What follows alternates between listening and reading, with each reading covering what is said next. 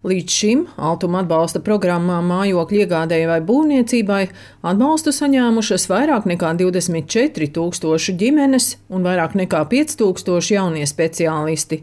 Kopš gada sākuma garantijas mājokļu pirmās iemaksas sekšanai var saņemt arī Nacionālo bruņoto spēku karavīri, kam ir noslēgts līgums par profesionālo dienestu. Par atbalsta saņemšanas nosacījumiem stāsta Altuma privātpersonu garantiju daļas vadītāja Jāna Logina. Programma dod iespēju samazināt pirmās iemaksas apmēru, un maksimālais garantijas apmērs ir līdz 25% no aizdevuma summas, bet ne vairāk kā 20 000 eiro.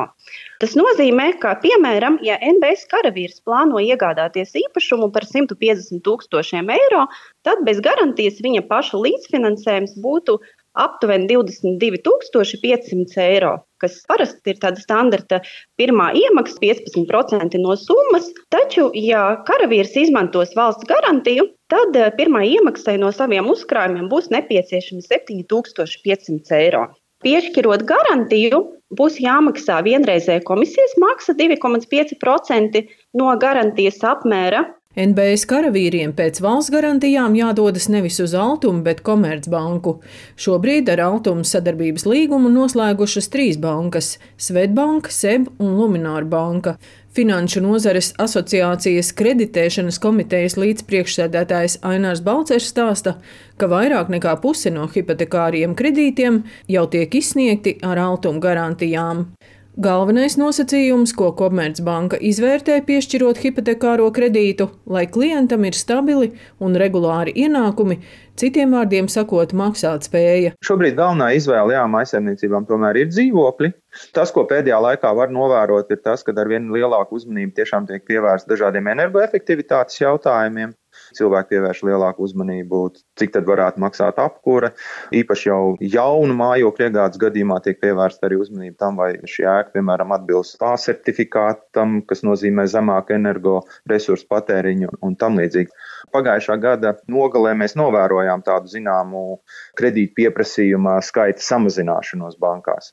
Bet eh, tagad, skatoties uz janvāra tām pirmajām nedēļām, atkal novērojam, ka pieteikumu plūsma pieaug. Nu, neapšaubām, ka kredīta pieejamība nu, mazliet mazina tas, ka procentu likmes ir pieaugušas, līdz ar to pieauga arī maksājumi. Latvijas nekustamo īpašumu darījumu asociācijas valdes priekšsēdētājs Aigars Šmits vērtē, ka aktivitāte nekustamo īpašumu tirgū samazinās.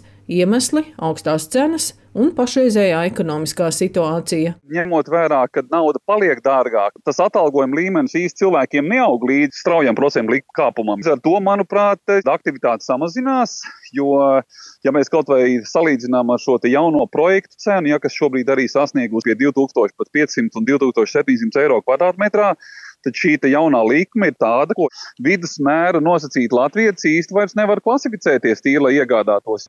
Iespējams, būs ilgāki, garāki pārdošanas termiņi jaunajos projektos, vai arī cilvēki kaut kādā veidā vienā brīdī sapratīs, ka jā, man tomēr gribas dzīvot šī komfortā un būs jāpelna vairāk. Altuma atbalsta programmās pirmajai iemaksai mājoklim, ģimenēm ar bērniem un jauniem speciālistiem jau piešķīris 250 miljonus eiro, un tas ļāvis Komercbankām izsniegt hipotekāros kredītus 2 miljārdu eiro apmērā.